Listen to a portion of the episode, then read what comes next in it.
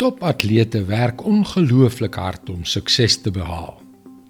Of hulle nou aan spansport of aan individuele sport deelneem, hulle spandeer dikwels baie tyd daaraan om so goed te word as wat hulle moontlik kan wees. Hallo, ek is Jockey Gouchee vir Bernie Diamond en welkom weer by Fas. Dink jy ooit aan die harde werk, die lang ure, die opofferings wat jou gunsteling span of atleet gemaak het om op hierdie vlak mee te ding? Wanneer jy regstreeks of op televisie na 'n kompetisie kyk? Antwoord: Waarskynlik nie, né? Net soos die res van ons geniet jy eenvoudig die skouspel van hulle deelname. Maar sonder daardie agter die skerms pyn en opoffering sou hulle nie daar gewees het nie. En dit is presies dieselfde met ons geloofspad.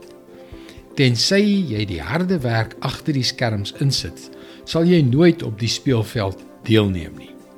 Jakobus 1 vers 21 en 22. Raak daarom ontslaaf van die vuilheid en boosheid wat so welig in julle tuur en aanvaar nederig die woord wat God in julle geplant het. Hierdie woord het die mag om julle te red. Julle moet mense word wat doen wat die woord sê. Moet dit nie net aanhoor nie, dan bedrieg julle julleself. Met ander woorde, of mense dit kan sien of nie, Dit begin alles wanneer jy die woord van God nederig in jou hart ontvang. Dit begin alles met 'n hartsbesluit om Jesus te volg, selfs wanneer bose mense jou daaroor wil spot. En dan dan gaan dit oor tot harde werk. Die opoffering, die gehoorsaamheid en die nederigheid in die aangesig van boosheid.